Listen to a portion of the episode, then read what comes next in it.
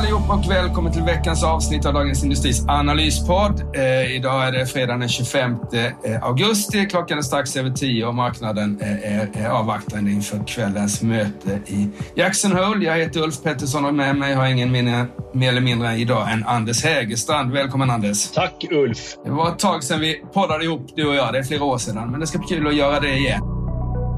Det är ju en rivstart vi har haft på, på ska vi säga, höstsäsongen, om man kan kalla det nu när det börjar bli lite gråare ute. Eller hur? Vi har mycket att prata om. Massor att prata om. Jag har kommit tillbaka från eh, semestern i måndags och gick in direkt in som eh, nyhetschef här och det var ju riktigt, eh, det bara hände grejer direkt. Nyhetsgrejer. Samtidigt är det ju det här dramatiken, eller vad man ska kalla dramatiken lite överdrivet, men det är väldigt spännande på vad, vad som händer på börsen. Liksom. Vi, hade ju, vi var ju i tisdags var väl sjunde nedgång, eller måndags kanske det var, sjunde nedgångsdagen i följd. Sen hade det kommit tillbaka lite. Men det är ju börsen, men det är ju väldigt spänt läge. Eller vad ser du?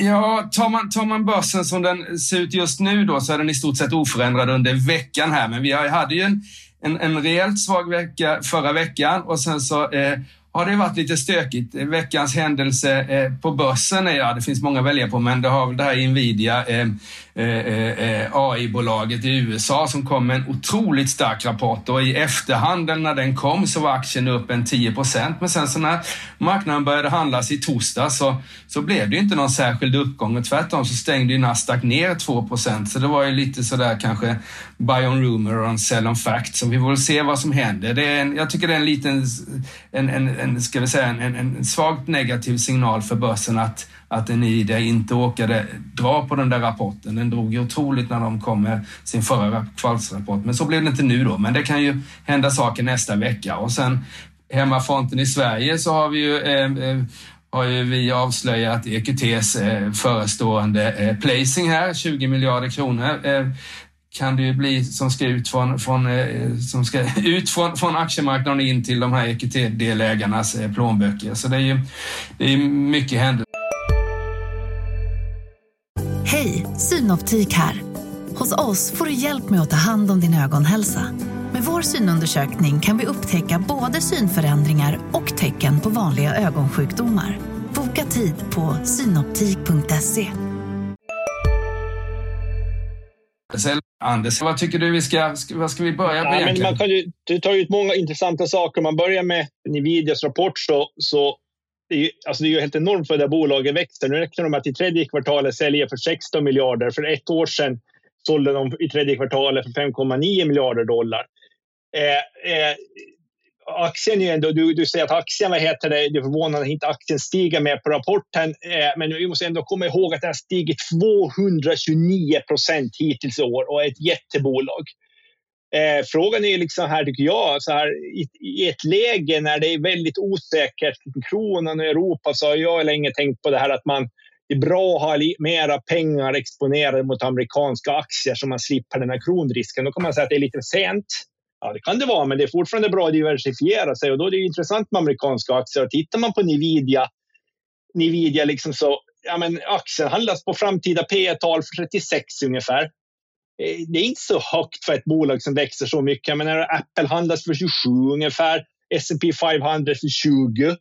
Eh, så det är, mm, det är intressant med den här aktien. Alltså, eh, det, jag tycker fortfarande den är intressant och, generellt så tycker jag att det är intressant, fast kronan tappar så mycket mot dollarn, att fortsätta titta på amerikanska, amerikanska aktier i det här geopolitiska läget vi befinner oss i.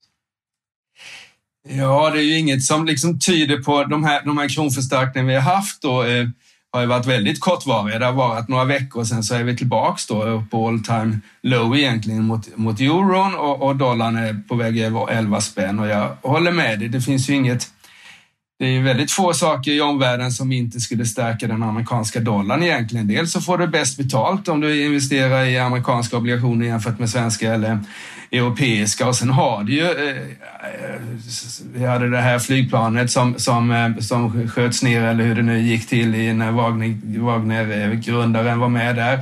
det är ju sånt där som, som liksom, och den, det stöket som finns. Vi har Kina, osäkerheten där med en fastighetsbubbla som aldrig vill pysa ut riktigt utan bara fortsätter vara ett problem. Och det är klart att alla sådana osäkerhetsfaktorer gör ju att att man lätt hamnar i amerikanska placeringar då, som är det säkraste vi har, även om de fick kreditbetyget neddraget här för ett par, tre veckor sedan från eh, Fitch var det väl.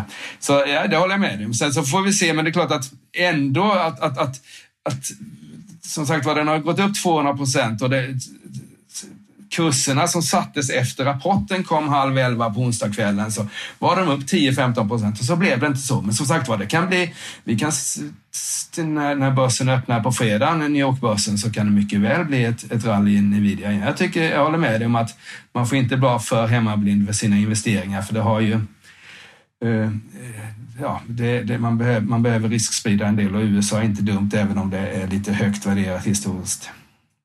Precis.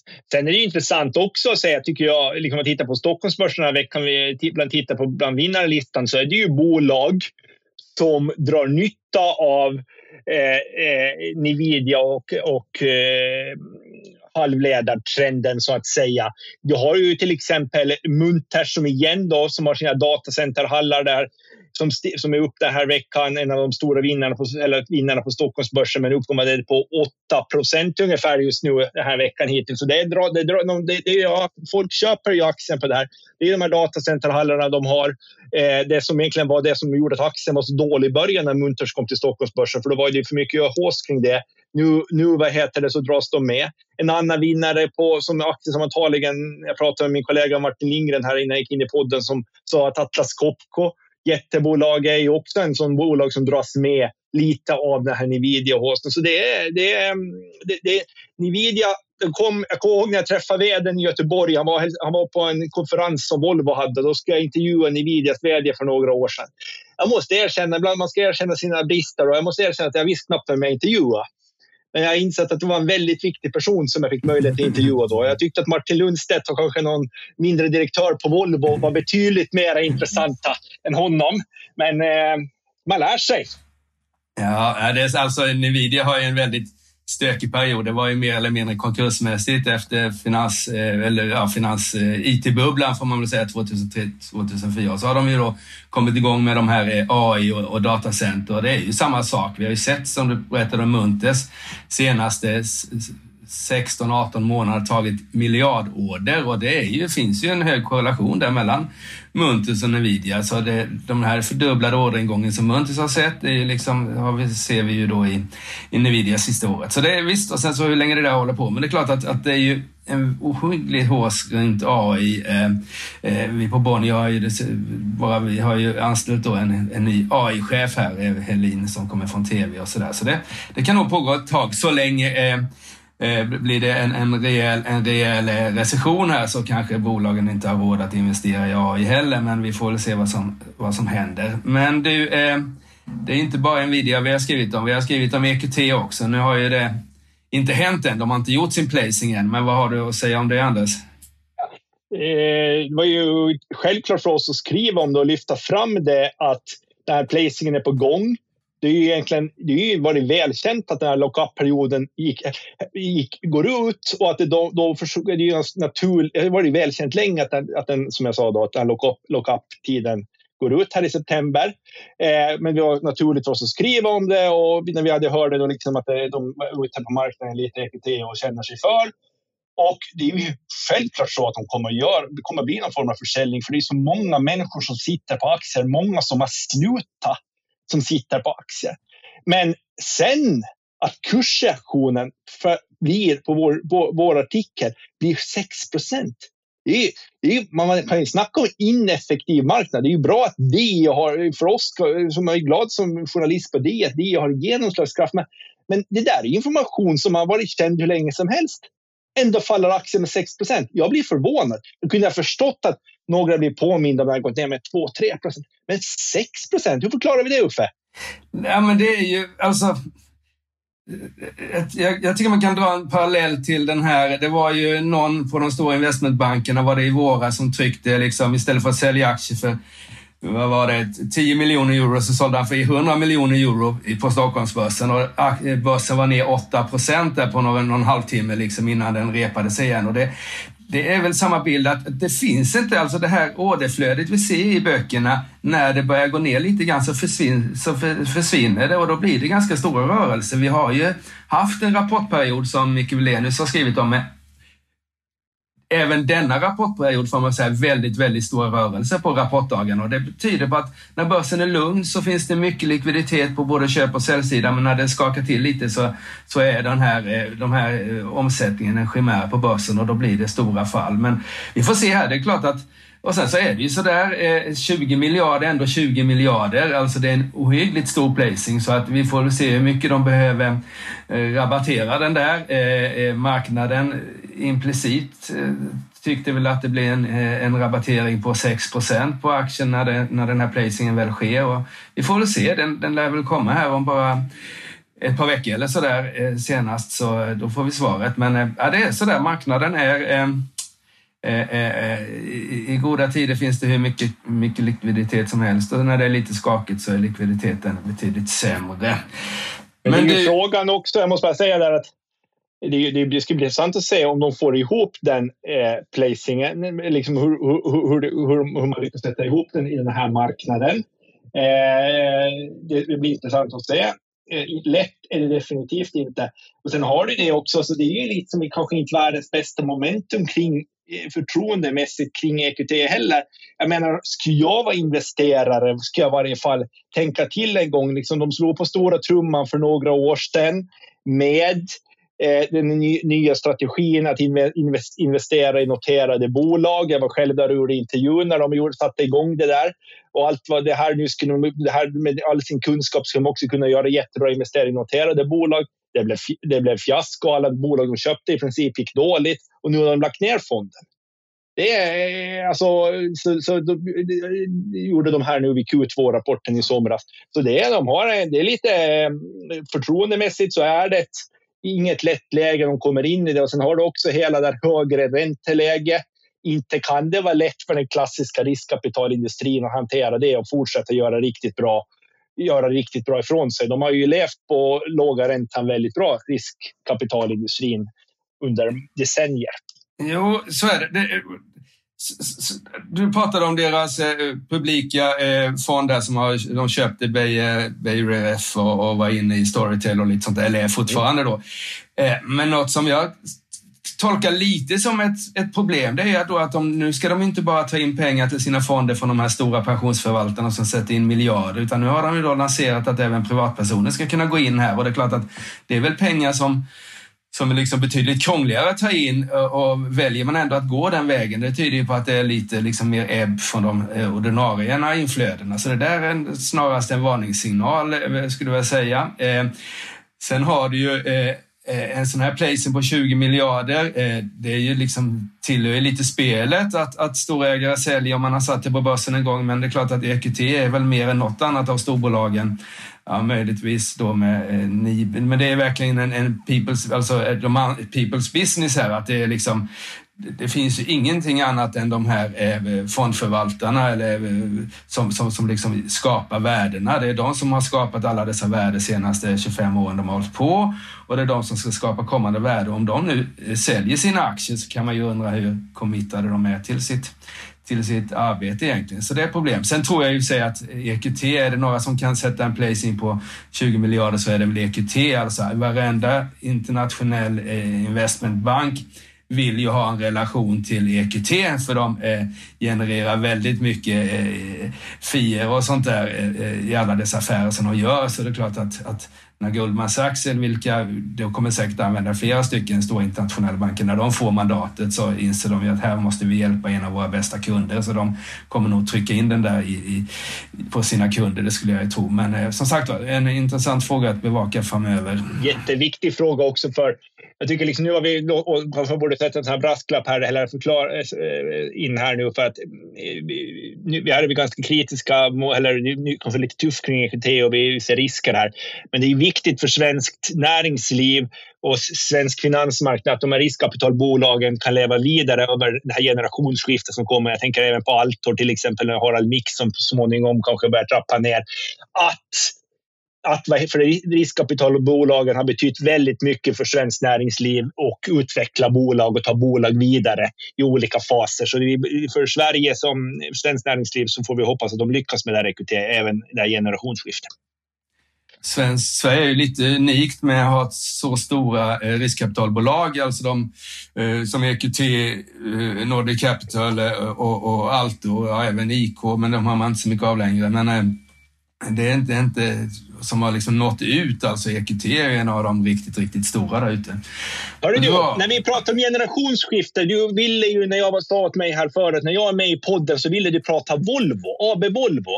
Eh, och generationsskifte fick vi så det braka om det i, i AB Volvo, i, eller början på ett generationsskifte i varje fall i AB Volvo när det kom nyheten här i måndags i börsstängning, efter börsstängning att Hans Karl-Henrik Svanberg Karl-Henrik Svanberg slutar efter 12 år som, eh, som ska sluta efter 12 år som ordförande. Vad tänkte du när du såg det, Uffe?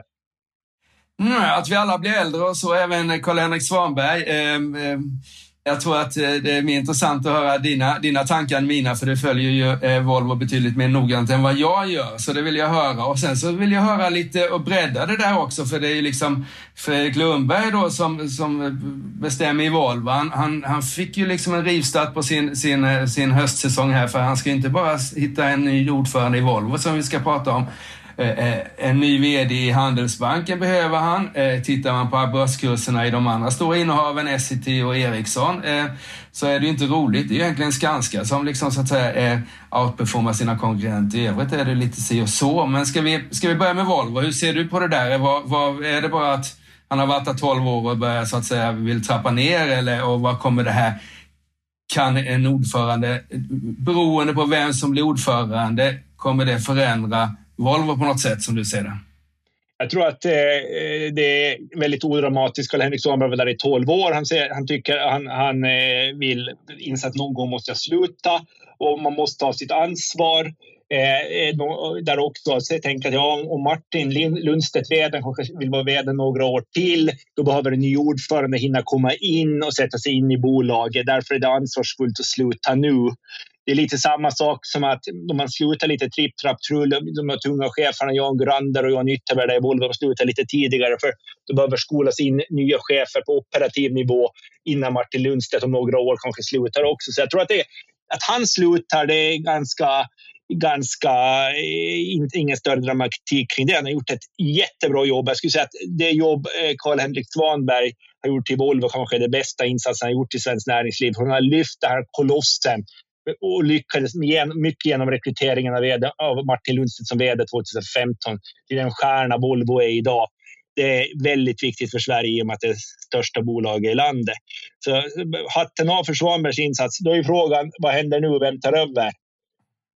Det viktigaste, vem som tar över, det är att den, den, den ordföranden kommer överens med eh, Martin, Martin Lundstedt och det blir ett fortsatt bra samarbete där. Eh, för så länge som Martin Lundstedt levererar som nu så, så, så ska han ju ha stort svängrum. Ja, det listar ju tidningen några kandidater där. Var det någon av dem du Ulf, när du läste i tidningen om kandidaterna att upp som du fastnade för? Ja, det är svårt. Jag tycker det liksom är de här det är de här väntade namnen lite grann. Eh, eh Johan Molin var med på den där bland annat va? Johan Molin var med, Björn Rosengren, ABB. Mm. Du har, jag hade Janne Karlsson eh, som sitter i styrelsen, eh, men han är också ordförande för Ericsson så han kanske faller bort. Jag hade Bo Anvik, vd på Indutrade som Lundberg-ägare. Lundberg, Lundberg-familjen är ju största ägare i Volvo också kan man säga genom industrivärlden. Så ytterst är det ju Fredrik Lundberg som är ordförande i industrivärlden och största ägare i industrivärlden som bestämmer vem som blir ordförande i Volvo. All respekt för valberedningen, men det är Fredrik Lundberg som bestämmer eh, nog det här, vem som får den här posten. Ja, för, då... för industrivärlden är ju största ägare i AB Volvo. Och då blir det, ja, jag vet inte, jag tycker liksom ja, Björn Rosengren egentligen, liksom, han, har ju, han har ju att göra i ABB så att säga. Det är ju ett betydligt större bolag än vad Volvo är.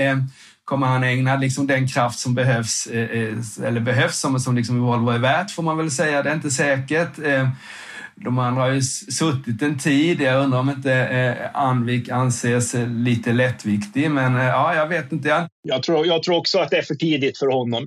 Och eh, Johan Molin är tveksamt om han vill. Eh, det är tveksamt, passar han ihop med Martin Lundstedt? Ibland är jag för känslan av att, att Molin är ganska så här ganska, ganska noggrann och sådana här. De kanske in i detaljstyr. Ibland har jag fått en känsla av och passar det med, passar det med Martin Lundstedt? Ja, sen hade jag, nämnde jag också eh, Per Boman där. Vad, vad, vad, tror du om honom? Ja, absolut. Han är väl den som kanske Fredrik Lundberg känner störst förtroende för, så han skulle säkert, eh, skulle Per Boman säga, göra en kabinettsfråga och säga jag vill bli ordförande där, så blir han säkert det på något sätt. Men jag undrar ju om aktiemarknaden vill ha in en en ska vi säga, försiktig bankman i, i, i Volvo, utan det man vill ha i Volvo är väl liksom offensivt, bland annat med kassan och allting annat och få in så att säga en, en, en bankman högst upp. Det, det tror jag inte aktiemarknaden skulle uppskatta. Eh, så jag vet inte, vi får...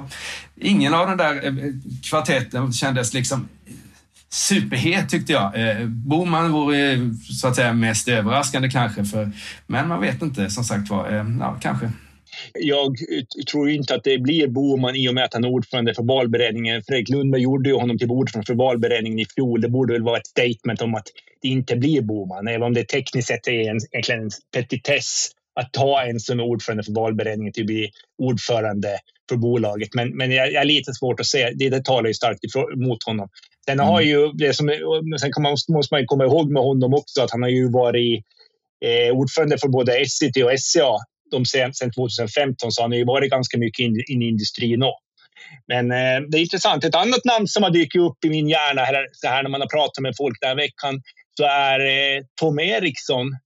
Eh, VD för Alfa Laval. Jag gjorde tidigare en väldigt bra karriär på Sandvik, Nord teknikföretagen. Att han skulle kunna vara en sån här person som kommer in lite från sidan. Eh, kopplingen där är lite att Lars Pettersson var ju vd på Sandvik eh, då tidigare fram till ja, 2012.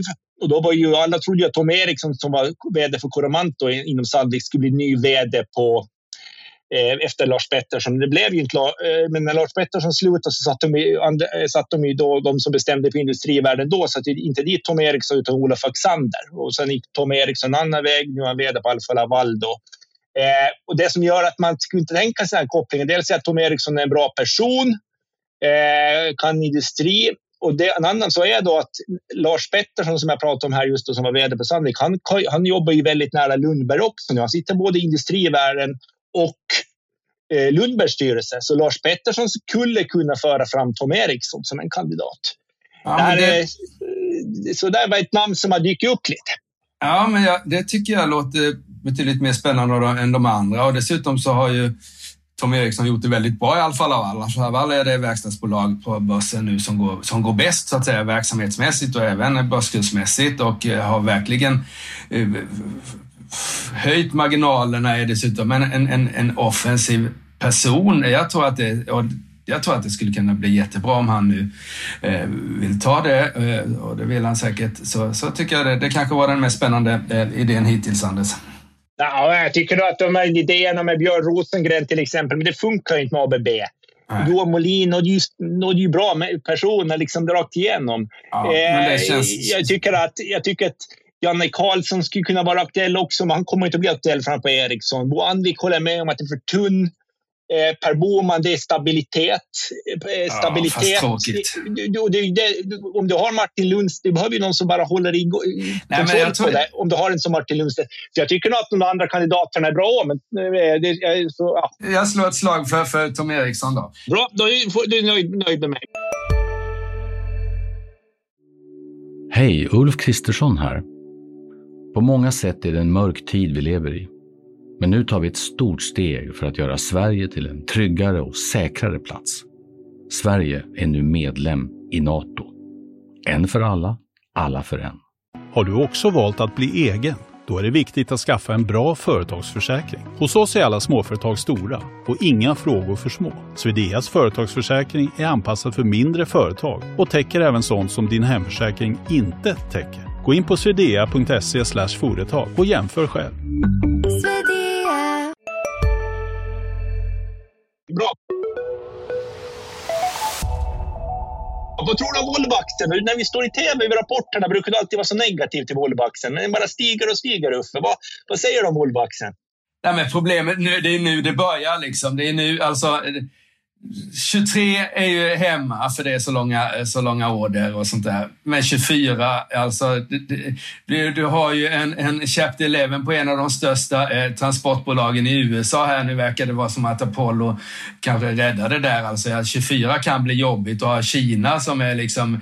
Eh, det finns ju en anledning till att kineserna sänker räntan en gång i veckan nu. Det är ju att ekonomin verkar vara liksom eh, rejält ner här. Så ja, och det är väl det man ser liksom att nej men och, och sen så som jag sagt som många gånger när vi har suttit i, i tv-studion att det är ju svårt för Volvo att växa eftersom det är en sån konsoliderad marknad, den här lastbilsmarknaden. Så du, liksom, du får ta då marknadsandelarna, men det, det, det är ett ganska långsamt jobb eh, att göra, utan man måste hitta ett sätt att få en tillväxt, eh, en tillväxtfokus eh, på, på Volvo. Då eh, håller jag fast vid att man bör avnotera eh, exempelvis eh, VC.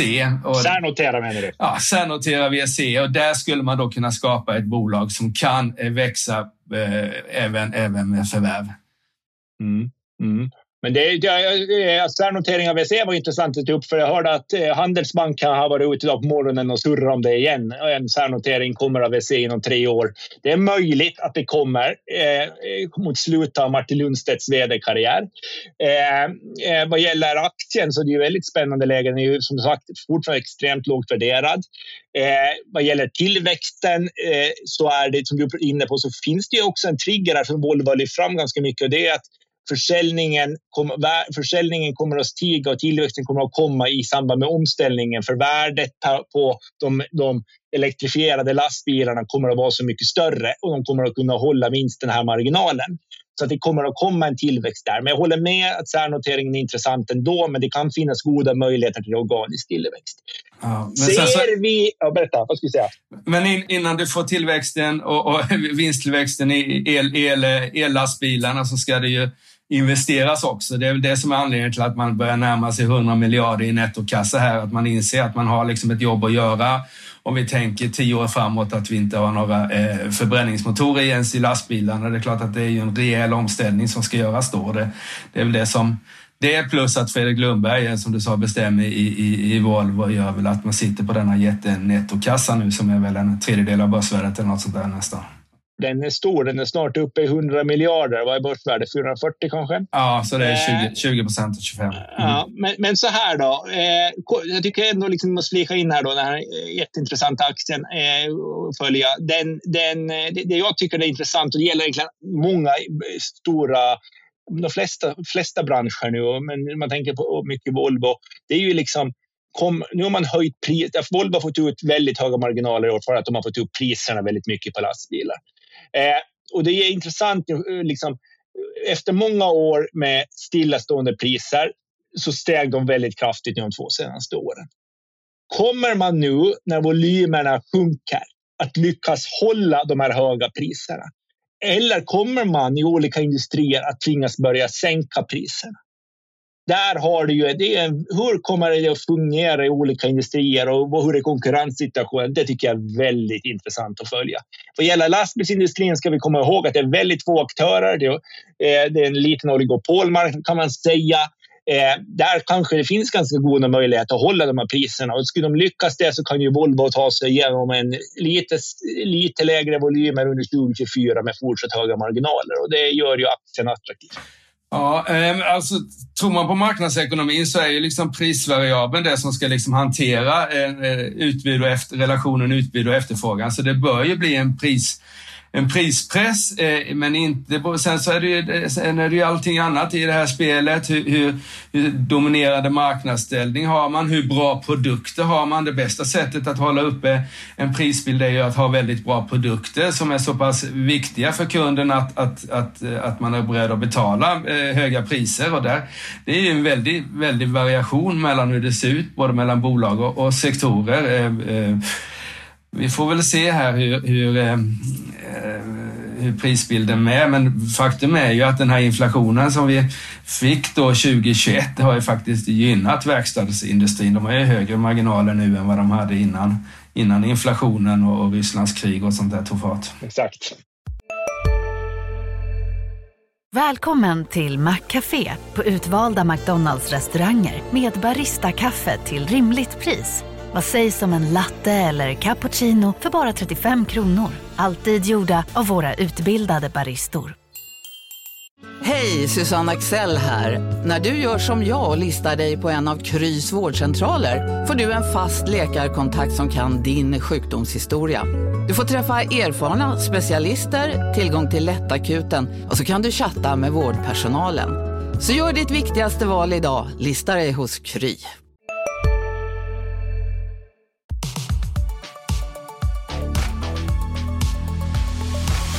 Ulf. Det var det några rapporter i veckan som du har reagerat på som du tycker var intressanta? Ja, jag kan väl göra en sån radioövergång då eh, från Volvos lastbilar till Kabes husbilar. Det är ju ändå liksom chassin.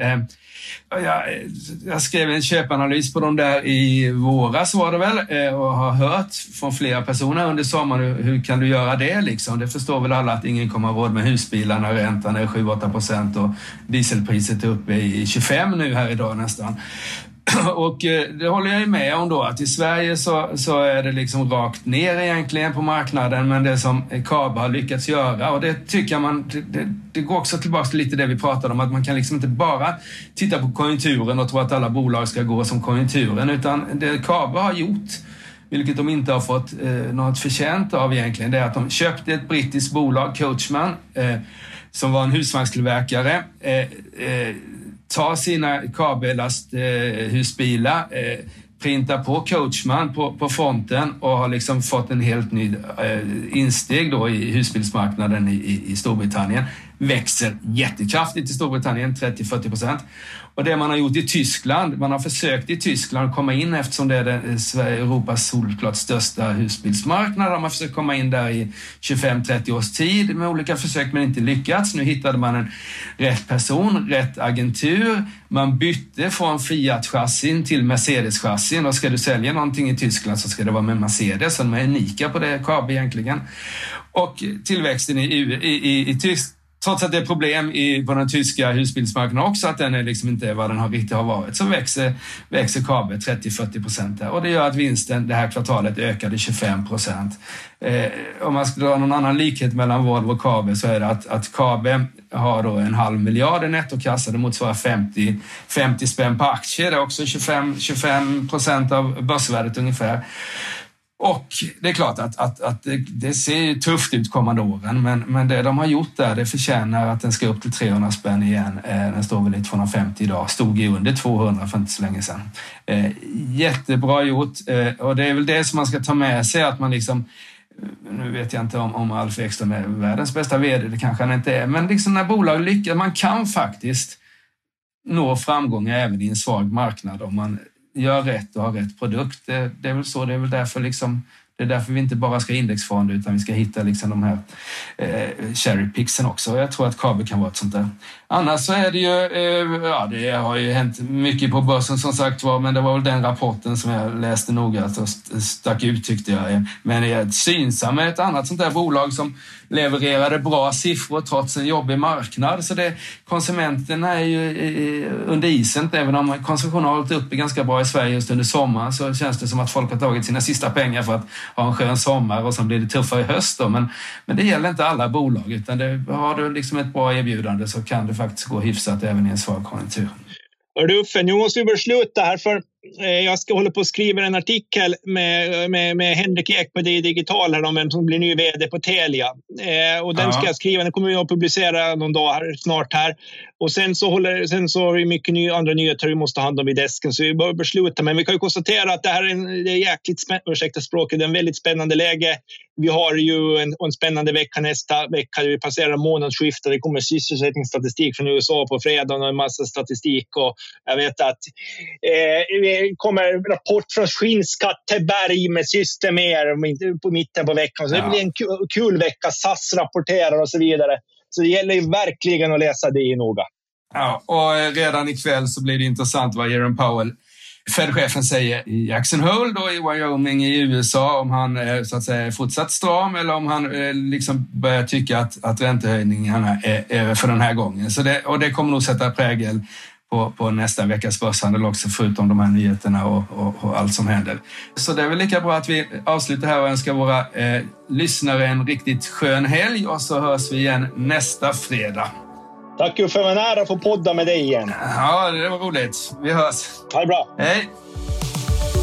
Du har hört en podcast från Dagens Industri. Ansvarig utgivare Peter Fällman.